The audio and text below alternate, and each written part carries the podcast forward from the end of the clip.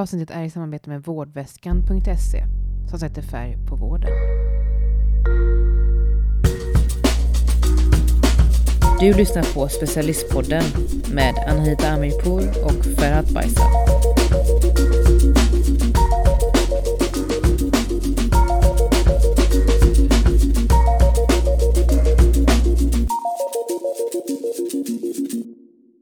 Välkomna till eh, avsnitt 6 där vi ska prata lite om eh, vad man gör innan eh, operationen. Alltså vilka förberedelser vi gör.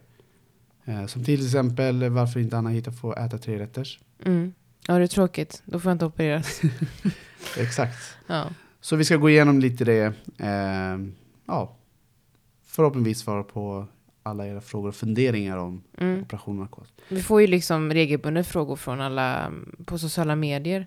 Speciellt på Instagram. Um, av flera i veckan faktiskt. Ganska vanliga frågor. Så jag tänker att det här avsnittet är lite som en eh, FAQ liksom. Ja, Frequently asked questions. Ja, Ja. precis. Men så är det ju. det är, Många ställer ju liksom samma frågor när man har såna frågestund. Mm. Just ja, men vad är det här, vad innebär det där? Mm. Så det är det vi ska försöka reda, ta reda på allting och Mm. klargöra åt er. Har du opererats någon gång? Nej, det har jag inte.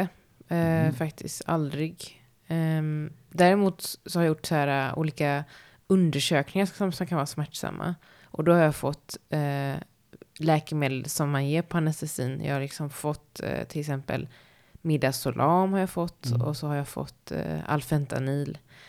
Eh, och det var inte så trevligt. Jag vill liksom vara med. Jag var Ja. mer den typen av patient. Men jag vill veta vad som hände och jag hade inte så ont egentligen, vilket gjorde att de här, äh, alltså personalen bara, vill du inte ha mer smärtning? Vill du inte ha mer smärtning? Jag bara, nej det är lugnt, det är lugnt. Och du är så nyfiken på allting. Det är klart du vill vara ja, borta. eller hur? Jag ska anteckna allt. Jag ska göra en studie på det här. nej. Har du opererats? Har många gånger. Eller fyra gånger. Jag har opererat näsan tre gånger. Du vet, så lite Precis. plastikoperation. Nej, jag skojar. Nej, men jag opererade tre gånger på grund av polyper. Och sen att näsan växte lite snett efter första operationen. Eh, och sen eh, senaste så var det käk, eh, käkoperationen jag gjorde. Mm. Då lyfte de fram eh, framkäk, eh, överkäken. Okej. Så jag har varit med om någon gång, men jag minns inte så mycket. Eh, men jag var ju så nervös, jag har varit nervös inför alla operationer. Ja.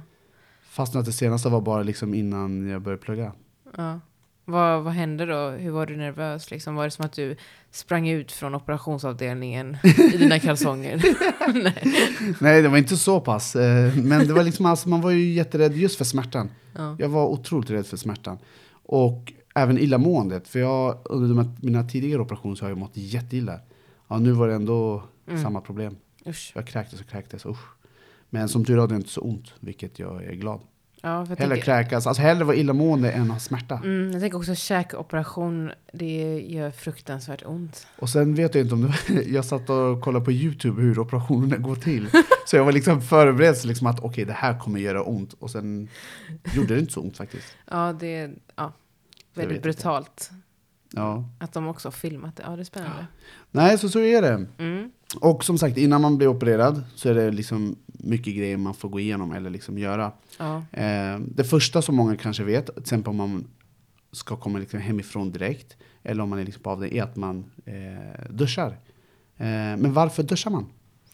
ja, det är ju för att alla är smutsiga. Men alltså inför en operation så måste man duscha för att man vill minska risken för infektioner. Ehm, på en del sjukhus eller kliniker så rekommenderar man vanlig tvål framför sån här bakteriedödande tvål som kallas för eh, Descutan eller Hibiscrub. Ehm, den är liksom framtagen inför sån här alltså, specialduschar som man Mm. gör. Man gör så här dubbeldusch, att man liksom tvålar in och tvättar håret eh, två gånger med den här eh, specialtvålen. Eh, och det är egentligen för att man ska minska på antalet bakterier på kroppen och minska för att det ska bli sårinfektioner. Eh, man får oftast eh, instruktioner med på den här eh, förpackningen med, Mm. med bakteriedödande tvålen, hur man ska göra. Och om man gör som det står, eller ja, som också så studier har visat, så ska den här effekten av bakteriedödande effekten eh, bestå under en hel vecka. Men en del eh, sjukhus eller kliniker, de använder bara vanligt tvål för att de har liksom, det finns forskning som också stöd, stödjer den biten att men det är lika bakteriedödande Mm. om man är väldigt noggrann med intvålningen. Ehm, så det är lite olika. Man får liksom se vilka, vart man opereras. En, eh, en kroppsdel som många glömmer bort är, eller en kroppsdel, den är på magen, naveln menar jag. En, li, en liten håla eller grotta. Precis. Den, eh, den är ju väldigt eh, populär bland eh, operationssjuksköterskor. Eh, för att den är oftast extremt eh, osanitär. Det är där bakterien samlas. Har värsta mötet. Ja, verkligen. Det är som ett, eh, en stor konferens där många är oinbjudna gäster kan man säga. Men man, man ska ju ta tops, man ska topsa sin navel. Och alltså så här, jag tänker så här, det ska ju alla göra. Eller det är väl bra att göra det när man ännu inte ska opereras. Så ja. hur, gör man, hur gör du när du tvättar din navel liksom? Jag, jag tvättar bara. Alltså ibland får jag så lite ludd och så bara, jag är så hårig vet du, en riktig så här kurdisk matta. Nej jag skojar. Nej men det är klart, jag, jag, jag gör alltid rent. Ja. Eller jag är ju så nojig själv. Och sen just det här när man vet att eh, inom vården så är man jättenojig just för naveln eller naglarna. ja. Så är det de specifikt som jag liksom verkligen ser till att de är, ser bra ut. Verkligen. Det är också, mm. ja, jag håller med. Naglar och navel är... Usch. Usch, men också viktigt att de är ja. eh, ja, precis. Det är en, en grej. Det är därför man duschar. Eh, sen är det många som undrar också det här med varför fastar man? Ja, jag kanske vill äta tre rätters innan med operation, men det är inte så bra. För att eh, när man sövs så ökar risken, eh, eller det blir en risk för kräkning när man har, om, man, om man har ätit eller druckit mm. eh, mycket. Eh, och då får man liksom eh, komplikationer. Man kan få väldigt allvarliga komplikationer i luftvägarna och i lungorna. Att man liksom sväljer ner maginnehållet till lungorna och får en eh, aspiration som det kallas. Eh, och det kan leda till pneumoni som är en typ lunginflammation då. Eh, och anledningen är, men varför kräks man om man skulle ha ätit och får en sövning? Jo, för att de narkosmedel vi ger, anestesiläkemedlen, de dämpar liksom reflexerna som finns i vår hals. Och det är ju för att vi ska, det ska underlätta inför att eh, göra en intubation eller sätta ner en laringsmask. Eh, och då kan man då kräkas helt enkelt. Eh, även om man ska opereras, eh, men, men bara få alltså en mm. spinal eller eh, spinalanestesi, en ryggbedövning, eh, så ska man ändå fasta för att eh, man vet inte om spinalen alltid kommer fungera som den ska eller om effekten går ur. eller om man ändrar ehm, planeringen, att bara, mm. nej men nu kan vi inte göra en spinal. Det finns ju en del orsaker till varför man inte kan få en spinal. Och då måste man kanske göra en stövning. Och så man måste alltid ha fastat oavsett om du för under en, eh, spin, eh, under en ryggbedövningsoperation, eller om mm. du opereras och har en ryggbedövning, så behöver du ju inte liksom sova om du inte önskar det. Du får mm. slumra om du vill. Men eh, de flesta är ju vakna och kan prata med oss anestesisjuksköterskor. Ja. Precis, och då har man sina reflexer som ja, fungerar som de ska. Precis, och då är det bara liksom navel och ner mm. som är helt smärtfritt och bedövat. Men får man dricka något då? Ja, alltså det är helt beroende på patient till patient. Men man får oftast dricka klara vätskor eh, två timmar innan man ska in till operationsavdelningen. Klar vätska är liksom ett sjukhusbegrepp och det innebär eh, saft och läsk. Um, eh, juicer utan frukt, kött eh, och te är klarvätska och kaffe. Men mjölk är inte det, mm. till exempel. Eh, det, är liksom, det, det klassificeras som fast föda. Eh, och fasta är inte bara så här äta och dricka, det är också att man inte ska snusa, man, får inte, man ska inte mm. röka, man ska inte tugga tuggummi, man ska inte gå runt och suga på massa karameller innan. um, Så det, det är liksom ett ganska brett begrepp och många vet inte det. Jag har fått in flera patienter som ligger och snusar så här, på preop och bara Ja fast du får inte göra det, så har de snusdosan mm. under kudden. Jag bara, ja, nu får du slänga ut den där. Um, så jag tror att många kanske missar informerade. Jag tror också det. Och sen eh, angående dryck, eh, vissa stora operationer som man gör, eh, så kan man få dricka en specialdryck som heter preopdryck. Och det är en sån här kolhydratladdning, en boost för kroppen. Mm. Ehm, för att eh, öka på energidepåerna.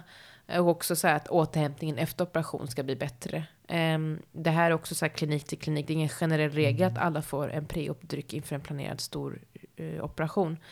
Men ja, det, anledningen är helt enkelt att man får också eh, stabilare blodsockernivåer och eh, en del som har forskat på det här har visat att man är inlagt färre dagar. Men det kan också bero på massa orsaker, Massa inte annat. bara av preoptryck.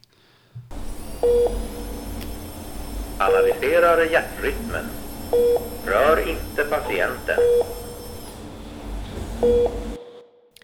Hur är det med eh, smycken och nagellack? Ehm, får man komma in med en guldbutik?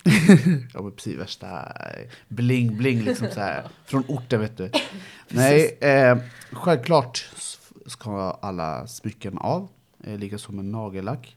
Eh, det många inte vet eller förstår varför. Det är för att under smycken, som till exempel ringar, så kan bakterierna växa ganska rejält, eller vad man ska säga.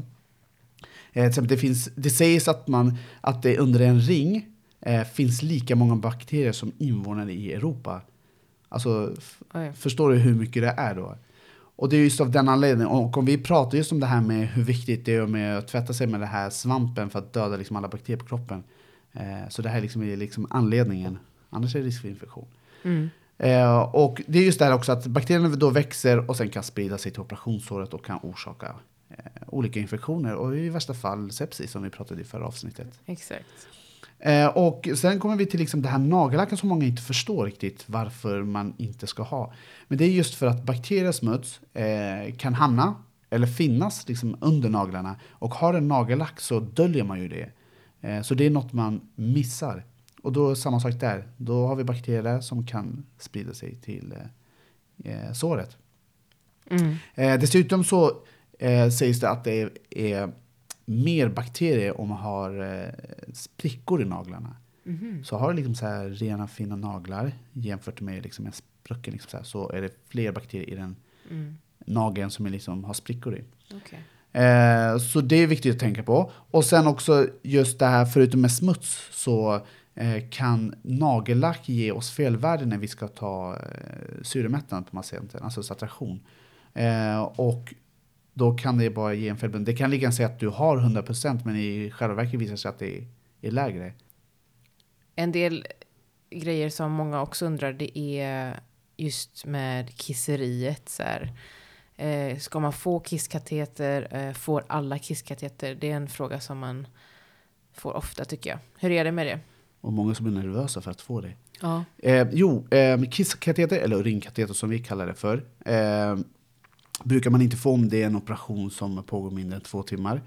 Eh, utan det man gör då är att eh, om en operation pågår en timme är att vi eh, tar en sån här ultraljud över urinblåsan bara för att se om man har eh, mycket eller lite och så tappar vi. Men är det så att man redan innan operationen har planerat att det ska vara en operation mer än två timmar eh, så sätter vi eh, urinkateter. I alla fall hos oss, det har vi som riktlinjer. Eh, men där är det samma sak. Eller där är det ju, det är inte så att vi gör det i smyg, utan då berättar vi för patienten att vi kommer sätta urinkateter på dig eh, när du är sövd, så att den vet om det. Och det är någonting man eh, oftast tar bort sen eh, när operationen är klar, beroende på vad det är operation. Men man får även urinkateter om man eh, har fått eh, ryggbedövning eh, som spinal eller epidural. Och då behåller man katetern tills bedövningen har liksom slutat fungera. Alltså det vill säga att du har rörligheten tillbaka och sånt.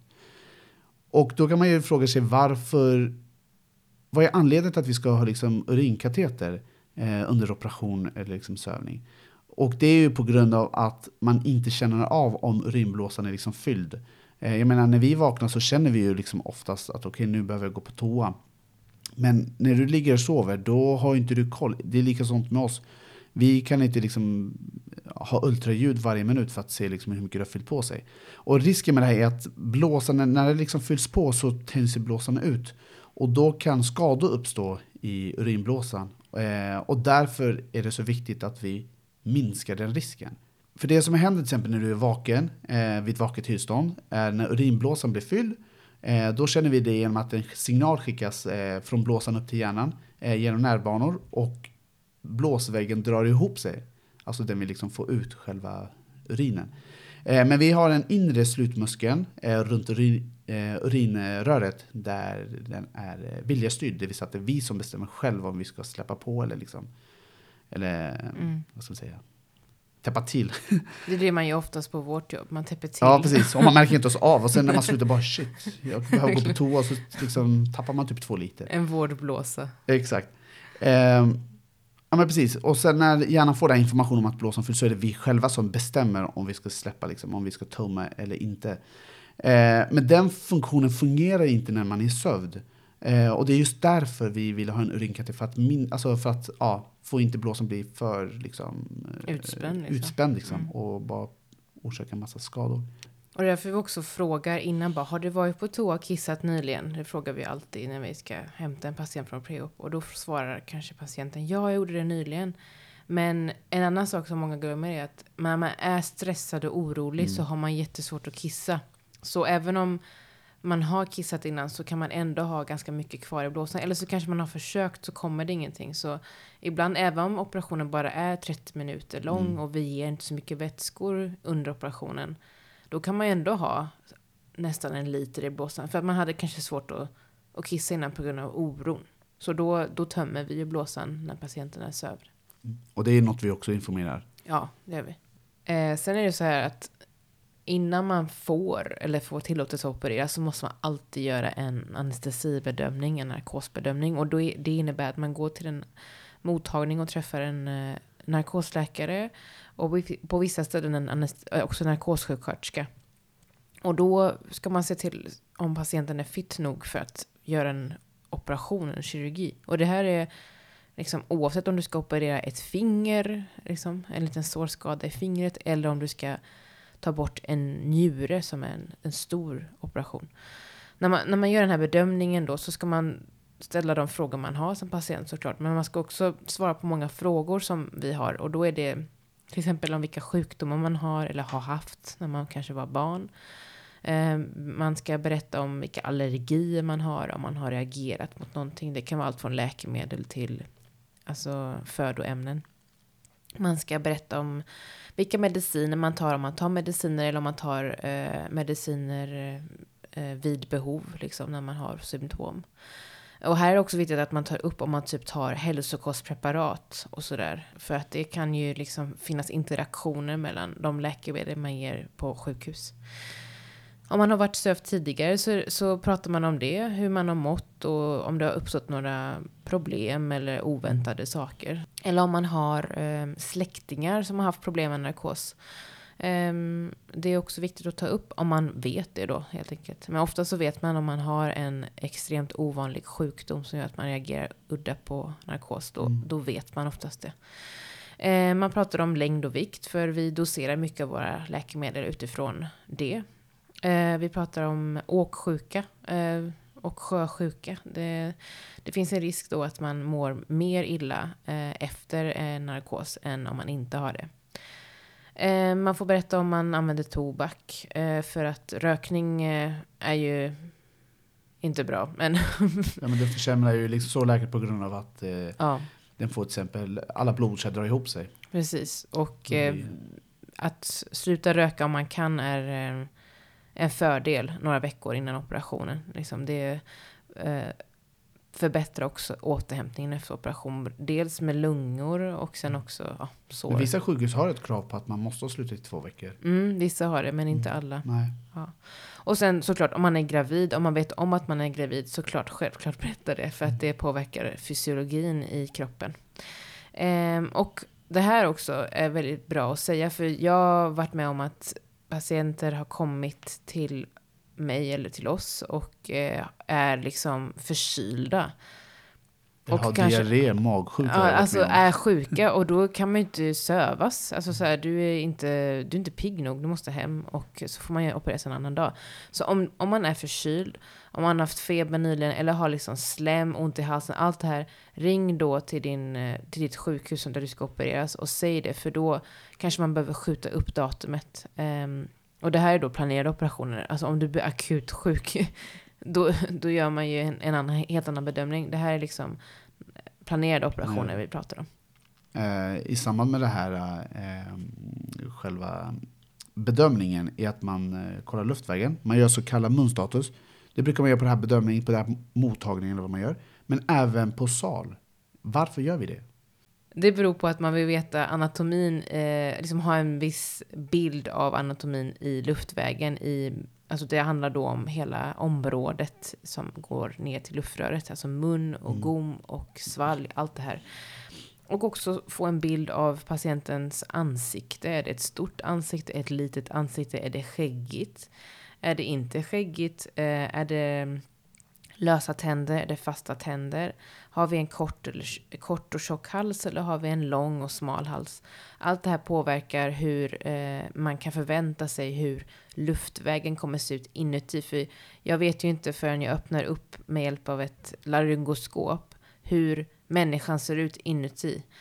Eh, och då vet jag också om det är enkelt att intubera eller Mm. svårare. Men det finns ju så här eh, olika bedömningar som vi går igenom för att ta reda på om det är en förväntat svår luftväg eller inte till exempel.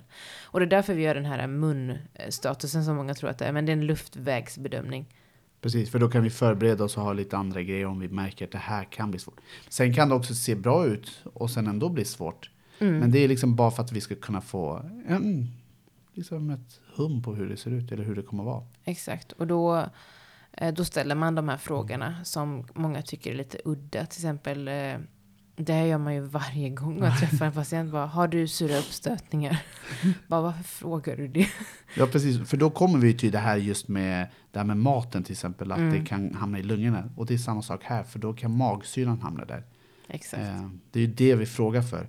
Och det är även där, och är det så att man har det, då får man eh, då tänker vi på ett annat sätt, liksom hur vi ska vid sövning och sådär.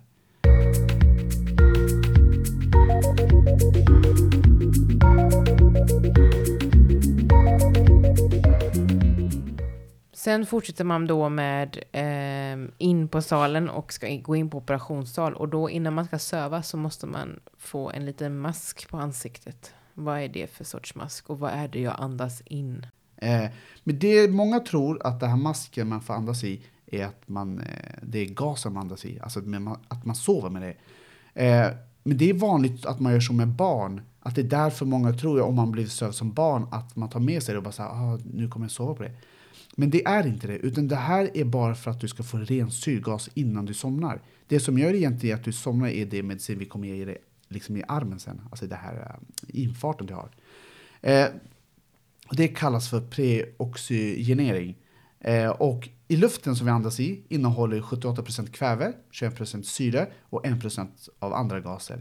Eh, och vid oxy, oxy, preoxygenering eh, ersätter man kvävet i lungorna eh, med syre. Och syftet med det här är ju för att vi ska kunna ge patienten en syrgasreserv och förlänga det här andningsuppehållet vi, får när vi ger sömnmedicinet. Så det är det man gör, det är att man andas in bara rent syrgas och ingen liksom gas, alltså anestesigas. Måste man få en så kallad nål innan man ska in på operation? Ja, eh, och det här nålet är ju lite fel att säga, utan det man får är ju en venkateter. Och det ska alla patienter ha, minst en, eh, när de kommer ner till operation. Vi brukar kalla det för fixa en infart. Eh, och som sagt, eh, man använder ju vanligtvis ordet nål, men det är ju liksom fel eh, eftersom att det är inte nål som sitter kvar i armen. Eh, den här venkatetern består av en kanyl och ett tunt plaströr. Och det som gör att kanylen så hjälper den dig att komma igenom huden och in till själva kärlen. När du har kommit in så drar du bort kanylen och för in själva plaströret. Så det som blir kvar i plaströret är en blodkärl. Så inte nålen, nålen drar vi ju ut. Många liksom vågar inte röra armen för att de tror att det är nål och det ska liksom Mm. gå igenom. Eh, och anledningen till att vi behöver en venkateter, fast att oavsett hur rädd man är för att bli liksom, få det här venkatetern, så måste man ha det. Och det är bara för att vi ger ju våra narkosmedel eh, i infarten. Mm. Eh, och sen när man sover så brukar man sätta fler infart. Och det här är ju ifall att vi behöver ge vätska eller eh, blodprodukter Mm. eh, vid stora blod- blödningar och så. Man vill alltid ha en reserv. Alltid. Exakt. Sen är det också en grej som många blir efter en sövning. Man, de blir hesa. Och varför blir man hes efter att ha varit sövd? Och det är oftast de som har haft en eh, sån här tub i själva luftrören. Det som vi kallar för endotrakeal tub. Eh, det är det vi intuberar. Eh, och tuben är en plastslang som passerar stämbandet och röret irriterar liksom det området. Vilket gör att när man sen vaknar så kan man känna sig hes, ha lite halsont. Som är ganska vanligt just när man får en sån här tub i halsen. Och sen något som är vanligt eh, när man får narkosmedel, som jag berättade tidigare, får man ju liksom i det här armvecket. Mm. Men det är en viss läkemedel som gör att det svider. Och det är många som känner, det är många som brukar fråga det här med att du, eh, jag är jätterädd för att det brukar göra ont när jag får liksom sömnmedel. Det har jag fått tidigare. Vad är det? Ja, och det, och det beror ju på sömnmedlet Propofol som eh, är diisopropylfenol. Eh, det är det vanligaste medlet som man får när man sövs ehm, här i Sverige. Andra länder kanske har andra rutiner. Eh, men biverkan av det är att det svider och bränner i blodkärlen när man injicerar det här i, i, i venen då. Och i olika forskningsartiklar har man försökt liksom kartlägga mekanismen bakom det här och ehm, det visar sig då att smärtan kan antingen komma omedelbart när man stoppar in sprutan i PVK, i perifera venkatetern, eller att det blir en delay liksom på 10-20 sekunder när man har gett injektioner. Eh, och det här beror på olika ehm, eh, smärtkaskader Eh, som eh, aktiveras kan man säga. Eh, en annan orsak som de har kartlagt är att Propofol är en fenol. Fenol är eh, tydligen en eh, kemisk förening, en kolförening. Och den används också när man framställer plaster i industrin. Fick jag lära mig. eh, som du kanske hör då så irriterar ju det liksom huden, alltså fenolerna då. Och den, som, ja, den har någon sorts smärtreceptoraktivering också i sig. Och också andra saker som gör att det gör mer ont, det är hur mycket av Propofol man ger, hur stor blodkärlet är som man har den här plastkatetern i, infarten i, hur snabbt man ger Propofolet och hur snabbt bärardroppet går, eh, the carrier, eh, som går bredvid kan man säga. Det har vi på alla våra eh, operationer. Um, och ju större ven man har, desto mindre risk är att det kommer göra ont. Och uh, ju långsammare du ger, desto mer ont gör det. Um, man kan alltid förebygga det här. Um, och det är genom att man ger lokalbedövning i, eh, i, i den här infarten. Eh, Den lokalbedövningen kallas för eh, lidocain eller xylocain. Och då ger man det innan man ger sömnmedlet Propofol. Eller så blandar man med Propofolet, som vi säger också. Precis, man kan mixa också.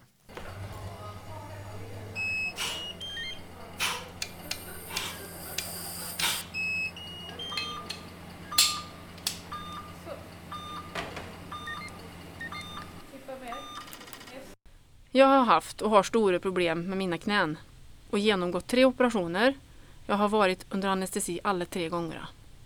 Första gången upplevde jag inte sövningen som speciellt jobbig, men andra gången då var det värre och nu senast, den tredje gången var värst.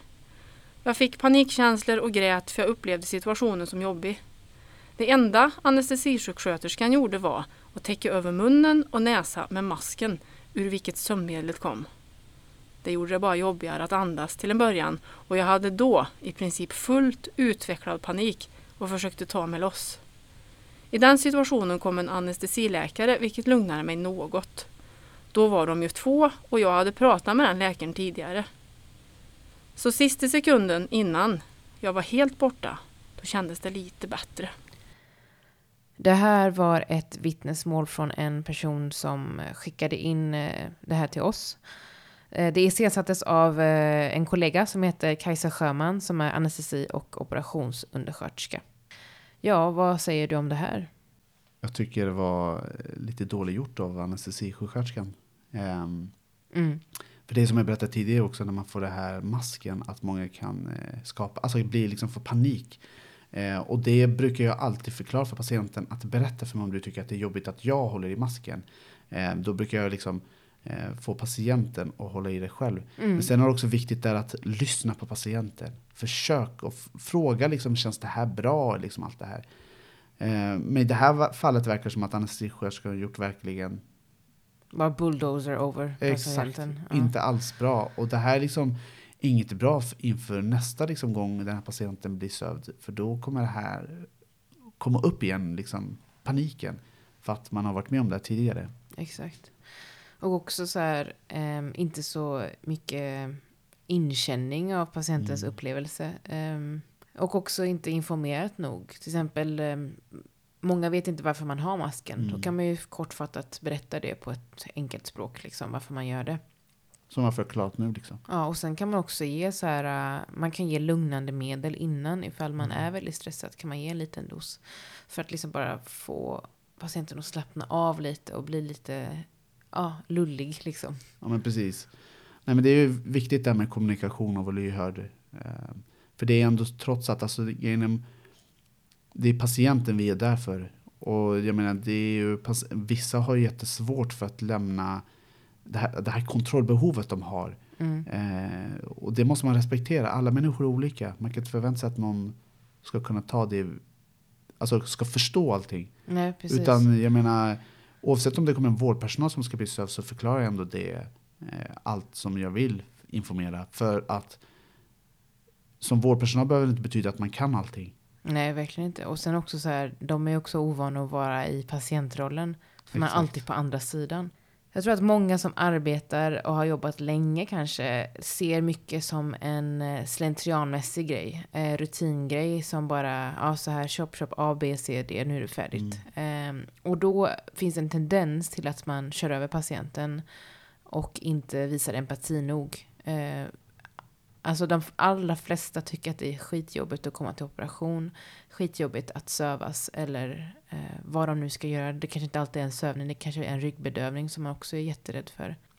Jag förstår att man på grund av hög stressbelastning kan bli uppfattas som hård och otillgänglig. Men det, man måste ändå finnas där. Alltså så här, det är vårt, vi, prof, vi är professionella liksom, eh, anestesisjuksköterskor. Vi kan inte liksom så här, bara skita i Nej. Det är patienten. vårt jobb. Alltså det är, så här, det är det vi gör. Vi, är- vi är där, vi ska vara där för patienten. eh, Försöka lindra så mycket som möjligt. Alltså, det är ju ett stort omvårdnadsbehov många har när de kommer till oss. Ehm, Och vi är ju specialister inom det. Ja, om vi misslyckas med det här, då misslyckas man ju eh, med sitt jobb Mm. på det sättet. För att det här patientkontakten är ju jätteviktig eftersom den oftast är superkort hos oss jämfört med när man vårdar någon på en vårdavdelning. Då har du Mm. liksom en uppegående kanske, eller säng, sängliggande patient, men du kan ändå prata med Så patienten. har det ganska lång tid att skapa en relation. Ja, Det är ju liksom det. Vi har ganska kort tid. Eh, och det är, det är därför det är så viktigt med just kommunikation och vara lyhörd. Lyssna på patienten. Mm. Eh, och självklart ska patienten lyssna på oss också. ja, Nej, men det är jätteviktigt det här med just kommunikationen. Men i det här har det fallerat verkligen. mm, det Eh, det. och sen har man märkt då att, sen vet man ju inte, jag menar läkaren kan ha kommit in och förstått att hon är så orolig, eller liksom blir så, är så stressad, alltså patienten, att han eller hon har kunnat eh, ja, få, en, få den här patienten att känna sig bättre. Ja, och eller också liksom- att de, det var ett eh, bekant ansikte, för de hade ju mötts innan. Precis. Kanske på mottagningen eller så. Och nu har vi kommit till den roligaste punkten. Myt vs sanning. Eh, det är också en fråga som vi får ganska mycket, som är vanligt när man pratar om narkosen och anestesin. Det är om man kommer vakna upp från anestesin när operationen är klar. Vad säger du Anahita? Ja, och det är någonting som vi styr kan man ju säga. Ehm, det finns en bild i allmänheten om att eh, man inte kommer kunna vakna upp och det är någonting som man kanske matas med från olika skräckfilmer eller scenarion från tv-serier eller, eller, eller sånt, sånt där. Det många inte vet är att när man stänger av, alltså när jag stänger av anestesigasen som jag ger till patienten via anestesiapparaten som är en ventilator, eller sömnmedlet som jag ger intravenöst till blodbanan, ehm, så kommer patienten återfå medvetandet och börja andas själv. Ehm, det är liksom jag som styr detta. Det är jag som planerar detta också som anestesisjuksköterska. Jag planerar alltid inför väckningen och det ska göras flera åtgärder eller man går igenom flera steg innan patienten är i skick till att väckas. Ehm, man ska till exempel ha in, man ska inte ha en muskelblockad i kroppen till exempel. Eh, och man ska ha bland annat en normal kroppstemperatur. Så det, det är två, två saker som man kollar, sen kollar man fler grejer. Eh, och hur många, och hur många minuter det tar tills patienten återfår medvetandet beror på, på flera olika saker, bland annat liksom hur lång tid man har varit sövd. Alltså är det 30 minuter? Är det 12 timmar? Alltså det är ju skillnad. Och vilken typ av narkos man har fått. Eh, det är också olika hur man reagerar. Och också kroppskonstitutionen. Hur är kroppen byggd? Är man eh, en väldigt liten och spinkig person eller är man en större person?